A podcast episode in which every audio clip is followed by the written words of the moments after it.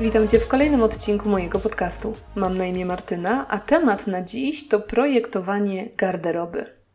No dobra, wiem, miałam skończyć na razie temat sprzątania, minimalizowania i tym podobnych, ale uznałam, że jeszcze o jednej rzeczy w tym cyklu Ci opowiem. Zwłaszcza, że akurat mamy taki czas, kiedy chowamy zimowe rzeczy w głąb szafy, a wyciągamy te letnie. Jest to więc ogólnie dobry moment na przegląd i przeprojektowanie swojej garderoby. Na wstępie dwie uwagi. Po pierwsze, nie chodzi mi oczywiście o garderobę w sensie pomieszczenia, a o zbiór ubrań. I po drugie, od razu mówię, że nie jestem stylistką. Wręcz chcąc być szczerą ze sobą i z tobą, jestem dokładnie drugim końcem skali. Nie ogarniam w modę i w ciuchy i choć rozpaczliwie walczę o odnalezienie swojego stylu, to nadal nie mogę powiedzieć, żebym go w 100% znalazła. Zapytasz więc pewnie, dlaczego w takim razie do cholery chcę komukolwiek doradzać w kwestii projektowania garderoby, skoro sama nie za bardzo mam o tym pojęcie. No i przewrotna odpowiedź brzmi właśnie dlatego. Ponieważ zdecydowanie moda nie przychodzi mi naturalnie i trudność sprawia mi dobieranie ciuchów i tworzenie stylizacji, musiałam odkryć i przetestować szereg sposobów na to, żeby jakoś nad tym tematem zapanować. I tu jeszcze jedna rzecz, o której musisz wiedzieć na wstępie. Jestem fanką ograniczania sobie opcji i uważam, że to potrafi bardzo pomagać. Dlatego to na ograniczaniu bazuje mój system tworzenia spójnej garderoby. System, który sobie wypracowuję od lat i który składa się z kilku kroków. Krok pierwszy: jeśli nie wiesz, czego chcesz, ustal najpierw, czego nie chcesz.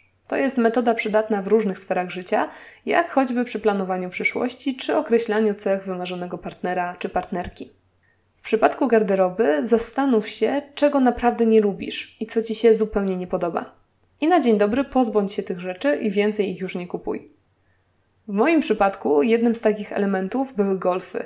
Nie cierpię ich, ale często je dostawałam od mojej mamy, która golfy lubi, więc wiecznie jakieś miałam w szafie i nigdy w nich nie chodziłam, bo miałam wrażenie, że się w nich duszę. W końcu więc pozbyłam się ich raz na zawsze i nawet moja mama przestała mi te golfy na całe szczęście kupować. Krok drugi, nadal poruszamy się po terenach nie. Ustal, czego nie potrzebujesz w swojej szafie w oparciu o Twój styl życia. U mnie były to garsonki, kostiumy, marynarki. Od dawna już wiem, że nigdy nie będę pracowała w biurze i nie potrzebuję ciuchów smart casual, a na bardziej eleganckie wyjścia mam parę sukienek. Więc z tych kilku rodzajów garderoby mogę spokojnie zrezygnować. I drugim takim elementem do tej pory były szpilki, których obecnie nie posiadam w ogóle. Jako, że żyjemy w Warszawie, więc nawet jeśli gdzieś wychodzimy na miasto na randkę, to idziemy na nogach czy korzystamy z komunikacji miejskiej. Szpile są więc mocno średnim obuwiem na robienie kilometrów. Choć to akurat być może się zmieni po naszej przeprowadzce do Nowego Sącza, którą planujemy, jak się okazuje, już niebawem, gdzie z kolei wszędzie jeździ się samochodami więc jednej czy dwóch par czułenek na szpilce już teraz nie wykluczam. Krok trzeci. Przechodzimy na terytorium słowa tak. Zastanów się, co uwielbiasz, co szalenie Ci się podoba i bez czego sobie nie wyobrażasz swojej szafy.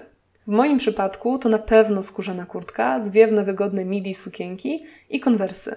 Niekoniecznie razem, choć razem wyglądają całkiem nieźle. Uwielbiam i wiem, że chcę na 100% mieć w szafie choć po jednej sztuce czy parze. Krok czwarty. Zauważ, w czym najchętniej i najczęściej chodzisz. Tu może pomóc metoda odwróconego wieszaka. Obróć wszystkie wieszaki w tą samą stronę, a następnie przez tydzień, dwa albo miesiąc obracaj wieszaki z tymi rzeczami, które ubrałeś czy ubrałaś. Albo w przypadku rzeczy nie na wieszakach, zrób osobne półki albo stosy. Tym sposobem po pierwsze zauważysz jakiś pattern i prawdopodobnie zacznie wyłaniać się z tego Twój osobisty styl, a po drugie, w bardzo łagodny i niewymagający sposób zrobisz sobie porządek w szafie. Bo wówczas pozostaje przejrzeć tylko ten stos z niechodzonymi rzeczami, albo jeśli jesteś hardcorem, możesz w ogóle cały ten stos spakować i od razu rozdać albo sprzedać. I te cztery kroki zrobiłam już dawno temu i bardzo mi pomogły. Ale nadal nie miałam poczucia, że moja szafa jest uporządkowana, spójna i dopasowana do mnie. Dlatego zaczęłam szukać dalej i odkryłam jeszcze dwa kroki, które zrobiłam dopiero niedawno. Krok piąty analiza sylwetki. Każdy i każda z nas ma jakąś budowę ciała, której nie przeskoczy, nawet dietami i ćwiczeniami. Ktoś ma mocne wcięcie w talii, a ktoś nie. Ktoś ma krótsze nogi, a ktoś dłuższe. Komuś tłuszcz odkłada się głównie na brzuchu, a komuś innemu w biodrach. I żadna z tych opcji nie jest lepsza albo gorsza. Natomiast każda z tych opcji najlepiej wygląda w określonych krojach ubrań, z czego warto zdawać sobie sprawę. I wreszcie krok szósty analiza kolorystyczna. Tak jak mamy różne sylwetki, tak mamy też różne kolory oczu, włosów i różne odcienie karnacji. I tu znów nie ma lepszych czy gorszych typów, każdy z nich natomiast wygląda najlepiej w innej kolorystyce. I tu może Ci się wydawać, że co to za różnica, czy ubierzesz pomarańczowy t-shirt, czy błękitny. Ale uwierz mi, różnica jest ogromna, bo w jednym z tych kolorów Twoje białka oczu będą wydawały się bielsze, a tęczówki intensywniejsze. Jeden z kolorów Cię zdominuje i odwróci uwagę od Twojej twarzy, a drugi będzie dla tej twarzy stanowić idealne tło. Co więcej, w jednym kolorze Twoje zaczerwienienia i wypryski będą wydawały się bledsze, a drugi jeszcze je podkreśli. I nie powiem Ci, który to zrobi w Twoim przypadku, czy ten pomarańczowy, czy błękitny, bo to właśnie zależy od Twojego typu kolorystycznego. Jeżeli jesteś jasnym latem, to będzie Ci dobrze we wszystkim, co chłodne, jasne i rozbielone. A jeśli jesteś ciepłą jesienią, to najkorzystniejsze będą kolory natury zielenie, brązy i pomarańcze właśnie. Typy kolorystyczne dzielą się na cztery podstawowe: wiosnę, lato, jesień i zimę oraz 12 podtypów, jak ciepła jesień albo jasne lato właśnie. I oczywiście możesz sam czy sama ustalić swój typ, bo w internecie jest mnóstwo przykładów i opisów, podobnie jak sam czy sama możesz określić swój typ sylwetki. Możesz też jednak skorzystać z pomocy profesjonalistów i dokonać takiej analizy u stylistki czy kolorystki, która ma materiały, pokończone kursy, a przede wszystkim wyrobione oko. Bo czasem nie jest to takie super łatwe. Ja na przykład dobrze wiedziałam, jakim typem jestem, kiedy farbowałam się na czarno, ale odkąd wróciłam do naturalnego blondu, byłam zagubiona totalnie i nie potrafiłam sama stwierdzić, kim jestem. Kolorystycznie oczywiście. Zwróciłam się więc do dwóch różnych stylistek z prośbą o pomoc i obie wykonały mi analizę online, bo tak, tak też się da na podstawie zdjęć. I właściwie obie stwierdziły to samo. Jestem tak bardzo między jasną wiosną a jasnym latem, że nie da się tego jednoznacznie stwierdzić. Ostatecznie Katarzyna Gasparska z Dresdy Success uznała, że jednak skłania się ku wiośnie, a z kolei Justyna Majewska postawiła na jasne lato. Postanowiłam więc raczej pozostać przy chłodnych odcieniach letnich, bo mnie osobiście bardziej się podobają, ale czasem korzystać też z palety jasnej wiosny.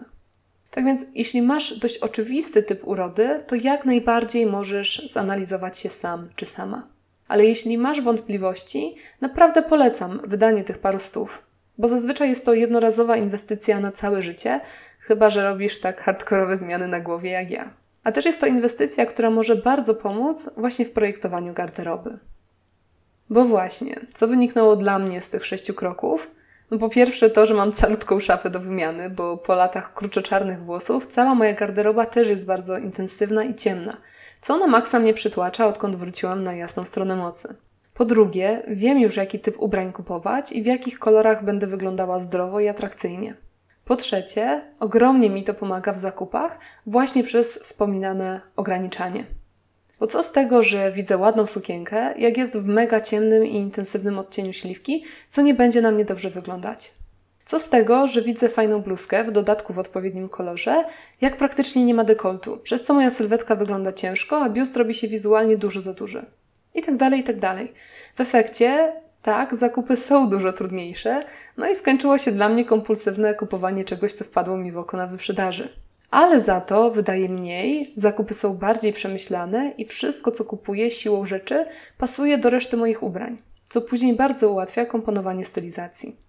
A docelowo mam szansę na naprawdę spójną szafę, z której nieważne co wyciągnę, to będzie na mnie dobrze leżało, podkreślało moje atuty i urodę, tuszowało niedoskonałości i będzie sprawiało, że będę wyglądała na promienną i wypoczętą. No dla mnie rewelacja. Tak więc, jak wspomniałam, ponieważ kroki piąty i szósty wykonałam niedawno, nadal czeka mnie dużo pracy. I długie miesiące i lata wymieniania tego, co mam, na to, co powinnam mieć. Bo warto zaznaczyć, że to nie musi być rewolucja, a raczej proces. Ale teraz wreszcie mam plan i projekt mojej garderoby, który mogę sobie powoli realizować. I dlatego dziś, jeżeli oczywiście też masz taki problem ze swoją szafą, jaki ja od zawsze mam, zachęcam Cię do przejścia tych sześciu kroków i do bardziej świadomego zarządzania swoją garderobą, a także do bardziej przemyślanych zakupów. Właściwie do tych ostatnich to namawiam każdego i zawsze. Okej, okay, teraz czuję, że mogę skończyć wreszcie temat porządków. Tak więc dziękuję Ci za wysłuchanie dzisiejszego odcinka, ale też za odsłuchiwanie całej serii. Mam nadzieję, że moje gadanie plus coraz częściej świecące słońce zmotywują Cię do tego, żeby trochę ogarnąć swój dom i stan posiadania i żeby przejąć kontrolę nad swoimi rzeczami. A już od przyszłego tygodnia wejdziemy sobie w tematykę komunikacji i relacji, bo dawno nie było, a to ważne rzeczy są. Tyle. Dzięki jeszcze raz za Twoją obecność tutaj. Do usłyszenia. Cześć.